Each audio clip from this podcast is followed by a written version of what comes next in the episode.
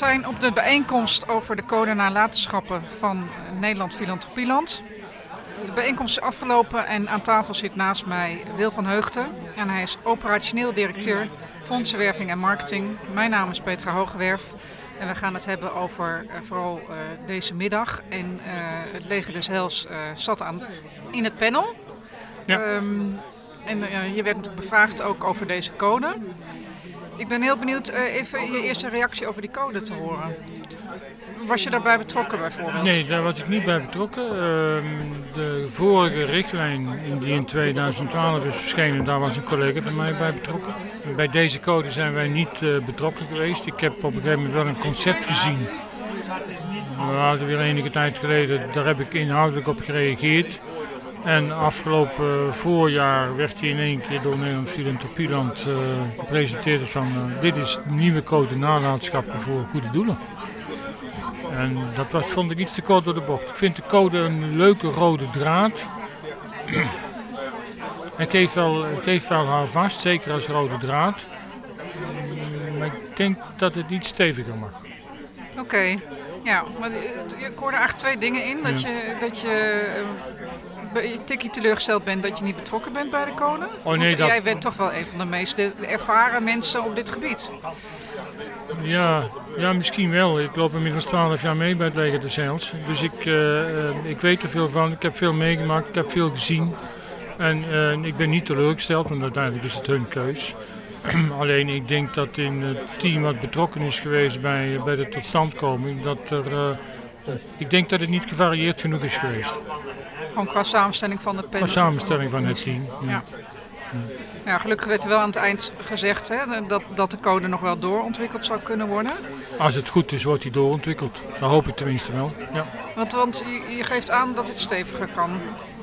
Vertel eens even, waar, welke punten zie jij dan? Ja, ik vind het heel lastig. Er, er waren een paar punten die, uh, waar, waar, ik persoonlijk, die heb ik ook genoemd in het panel straks. Uh, de persoonlijke benoeming.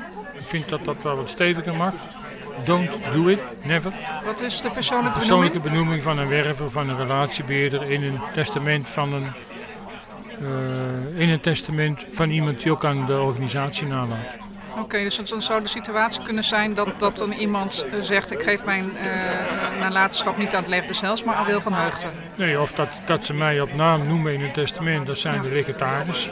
Of, of uh, misschien iets krijgen uit de nalatenschap. Don't do it, is dodelijk. Never, nooit accepteren. Dus dat mag van mij wel, wel wat stevig. een ander punt is het betalen van testamenten, heb ik ook genoemd. Even terug, waarom vind je dat het stevig mag? Want er staat toch gewoon de persoonlijke vertegenwoordiger werpt zichzelf niet op als mede-erfgenaam, aanvaardt geen giften, laat zich niet benoemen tot executeur en zal zich op geen enkele manier persoonlijk voordeel toe-eigenen.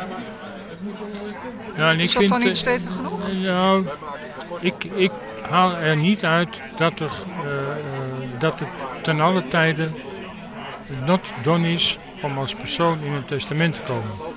En als je het niet weet, want vaak weet je dit soort dingen van tevoren niet, dan moet er heel in, met hoofdletters in staan, per definitie altijd verwerpen. Altijd.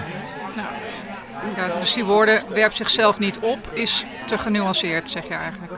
Uh, nee, dat moet er sowieso in. Met de toevoeging dat als het toch gebeurt, omdat je het niet weet, verwerpen. Altijd. Punt. Niet veel meer woorden aan vuil maken altijd verwerpen. Ja. Dus dat is punt 1, hè? Waar ja. de, de... Ander punt is het betalen voor testamenten. De ja, dat was nieuw voor mij, dus dat goede doelen ook kunnen betalen voor testamenten. um, ik weet dat er goede doelen zijn die het doen. Recent nog een case dat een, uh, een potentiële erflater uh, uh, een goed doel in haar testament had. En dat goede doel had dat testament ook betaald. Maar die wilde dat testament aanpassen ook het leger zeils erin schrijven, schrijven. En ze vroeg van willen jullie het nu betalen? En dan heb ik gezegd nee, dat gaan we niet doen. De één op één relatie tussen de testateur en het goede doel uh, vind ik niet kunnen. Ik vind het mogelijk om daarnaar te kijken in het conform uh, in Engeland, de, de free will uh, actie. Dat je als goede doelen een gezamenlijke pot creëert En dat uh, potentiële erflaters daaruit hun testament kunnen laten betalen. Met als vraag, wens om een goed doel op te nemen, geen verplichting. En dat er geen data-uitwisseling plaatsvindt tussen uh, zeg maar die erflaters en de goede doelen. Of de erflater moet zelf aangeven, ik wil dat ze contact met mij opnemen. Dat vind ik ook goed. Maar die één op één relatie, ik zie de koppen in de krant al, uh, Leger de Sales koopt testamenten. Ik wil het niet meemaken. Dat gaan we niet doen. En als een ander dat risico wil lopen, moet, wil lopen, moeten ze zelf weten. Maar ik vind het dodelijk. Nou ja, als het in de krant komt, dan is het toch ook niet goed voor de sector? Nee, dat, uiteindelijk heeft de hele sector daar last van. Ik bedoel, uh, in het kader van de Kees Broekhuis heeft het leger ook al in de krant gestaan dat, uh, dat wij een, uh, een bejaarde dame van 90 uit haar huis willen zetten. dat gaat je niet in de koude kleren zitten.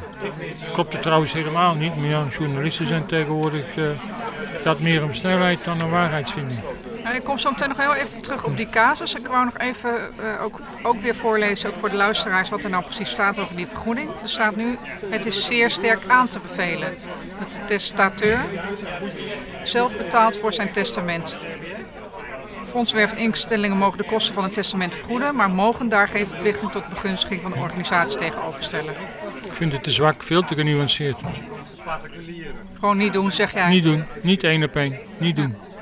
Nou, helder. Dan gaan we inderdaad nu over naar, naar uh, de, de, ja. de, grote casus, waar, waar ja, ja. Niet, niet alle luisteraars misschien precies van weten hoe nee. het nu zit. Want, wat gebeurde er? Er was een meneer die liet een heel groot bedrag aan jullie. Ja, dat was een meneer uh, Broekhuis. Die is in 2013 overleden. Heeft zijn hele vermogen nagelaten aan twee goede doelen. Leger de Zeils en de Zonnebloem. Um, heeft zijn uh, echtgenote en stiefkinderen ook bedacht met een bedrag.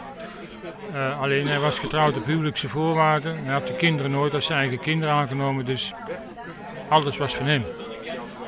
Uh, het ging in totaal om 26 miljoen euro. Een stevig bedrag. Ja. Dus uh, zonnebloemen leggen de zelfs ieder de helft. En de kinderen hebben uiteindelijk uh, een procedure aangespannen. Hebben eerst bij de rechtbank geprocedeerd om het medisch dossier van meneer los te krijgen. Daar waren wij nog niet bij betrokken. Uiteindelijk in tweede instantie heeft uh, het Hof besloten, ja dat medisch dossier is beschikbaar voor de familie. En met dat dossier in de hand hebben ze ons uh, geprobeerd te bewegen tot een schikking. Op basis van alle informatie die wij toen hadden, heb ik gezegd, gaan we niet doen. Ze de gedachte was dat hij wils onbekwaam was? Zij, hun, zij betoogden dat meneer leed aan Alzheimer. Een specifieke vorm van Alzheimer. En dat hij dus niet wilsbekwaam was ten tijde van het opmaken van zijn laatste testament. Uh, toen hebben zij een procedure aangespannen omdat wij niet wilden schikken. Regelmatig nieuwe tussenvoorstellen voor te schikken, want ze waren gewoon op geld uit. Uh, en wij hebben, uh, daar zijn we niet in meegegaan. het is bij de rechtbank geweest in, het, in oktober 2017. die heeft de nabestaanden op alle fronten in het ongelijk gesteld. Zij zijn in hoger beroep gegaan. Dat hoger beroep heeft in mei 2019 gediend. Uh, konden alle partijen weer nieuwe informatie aanleveren.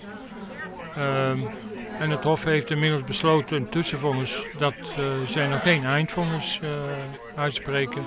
En dat ze eerst een externe deskundige willen om met name het medische stuk goed door te lichten en hen daarin te adviseren. Omdat het Hof zichzelf niet deskundig genoeg acht om daarover te oordelen. en dat is de status nu. Dus 1 oktober moeten de deskundigen benoemd worden door het Hof in Leeuwarden.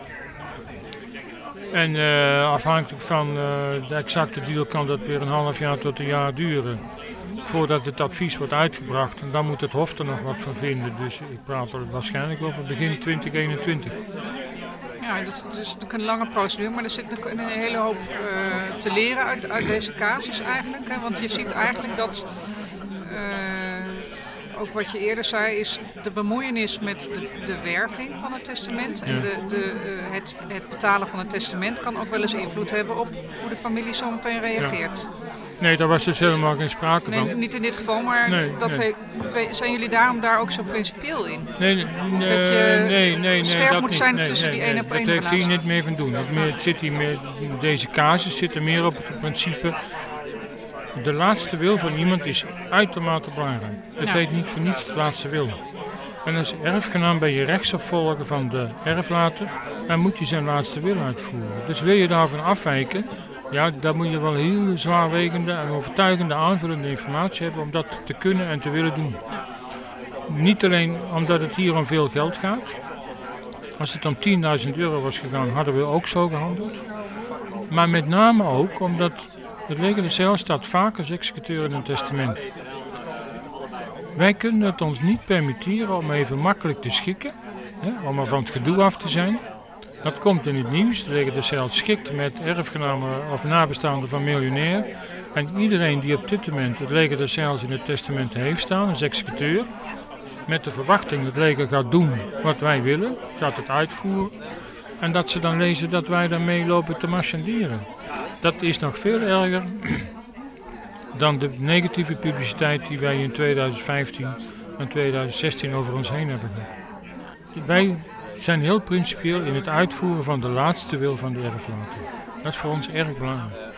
En de, de, hoe lopen dan dit, dat soort discussies binnen het leger des Heils? Want je krijgt zo'n kwestie aan je broek, zou ik maar zeggen. En, en... De keuze om in deze zaak uh, voet bij stuk te houden, die is natuurlijk heel breed intern besproken met alle directies. En het leger des Heils is een complexe club. Uh, en de, de, beslissing om uh, dit principe te handhaven is unaniem genomen. Geen discussie. En dan heb je ook nog de zonnebloem met wie je moet overleggen? De zonnebloem die zit er op de exact dezelfde wijze in. Dus we trekken gezamenlijk op. Alleen in alle media-aandacht werd altijd eigenlijk alleen maar het leger des Heils genoemd. Maar ja, hoge bomen vangen veel wind, kan het ook niet helpen. Uh, met de zonnebloem en wij trekken uh, qua advocaten, qua procedure, qua principe volledig gelijk op. We hebben ook gezamenlijk dezelfde advocaat, maakt het alleen maar makkelijker en overzichtelijker. En uh, daar zit geen lucht tussen, helemaal niets. Okay, misschien nog tot slot, uh, wat, uh, hoeveel geld halen jullie eigenlijk op met de nalatenschappen? Uh, dat zit jaarlijks tussen 11 en 12 miljoen. Ja, dat is een behoorlijk bedrag. Ja.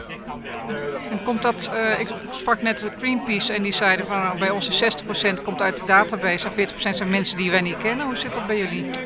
bij ons is het, ligt het iets, iets anders, maar niet zoveel verschil. Hoor. Ik zeg altijd ongeveer 50-50. Ik kan er een paar procent naast zitten. Dus dat de helft van de mensen kennen wij bij leven niet, en de andere helft kennen wij wel. Of als donateur, of als relatie waarmee wij contact onderhouden. En hoe verklaar je nou die andere 50 Als ik dat zou weten, dan was ik spek kopen. Ja. Dan weet ik waar ik ze moet zoeken. Ik weet het niet. Dat zijn mensen die hebben dus blijkbaar een warm gevoel bij het leger. Misschien een positieve ervaring uit het verleden of van familie of anderszins. Maar die mensen die kiezen dus uh, voor het leger des Heils in hun testament. En tegen de tijd dat ik het weet, zijn ze dood, dan kan ik het niet meer vragen. Dus het is eigenlijk nog een puzzel die... Uh... De mensen die we bij leven kennen, vragen we het natuurlijk wel. Ja. En dan merk je toch vaak dat het vaak soms kleine herinneringen zijn uit het verleden die erg veel indruk hebben gemaakt. Uh, Noem eens een voorbeeld. Een voorbeeld, uh, uh, mensen uit Indonesië die eind jaren 40 naar Nederland zijn moeten komen. Oud-knilmilitairen. Zijn opgevangen in Rotterdam, hebben daar soep en een deken gehad van het leger des Heils. Uh, watersnoodramp 1953. Het leger stond op de droge kade met soep en met een deken. Ja. Dat soort dingen maakt het is een heel klein gebaar, maar maakt waanzinnig veel indruk. Nou ja, het is natuurlijk wel een, een, een moment in het leven van iemand ja. die er zeer toe doet en ja. waarbij jullie de hulpverleners waren. De, de, de, de, de ramp in de Belmer, uh, wanneer was dat? Eind jaren 90? Uh, idem dito. Dat, dat soort... Terwijl het gebaar dan heel klein is, maar op een moment dat het bij mensen heel veel indruk maakt. Of iemand die, uh, die ooit vroeger met, met, met, met, met de ziel onder zijn arm uh, liep op straat en langs het gebouw van het leger kwam, daar gezang hoorde en naar binnen is gegaan en daar weer de lust om verder te leven heeft ontdekt. Dat vergeten mensen ja. ook. Dus eigenlijk daarmee uh, is een nalatenschap een soort uh, ja, dankbaarheid voor een zeer belangrijke herinnering in het leven van iemand. Ja, ja. Dankjewel voor dit gesprek. Graag gedaan.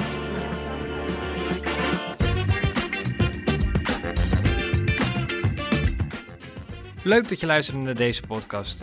Dit was een aflevering uit de serie Op Locatie, een samenwerking tussen het vakblad Fondswerving en Verleda. Kijk voor meer podcasts uit deze serie op Spotify, iTunes en op fondsenwerving.nl.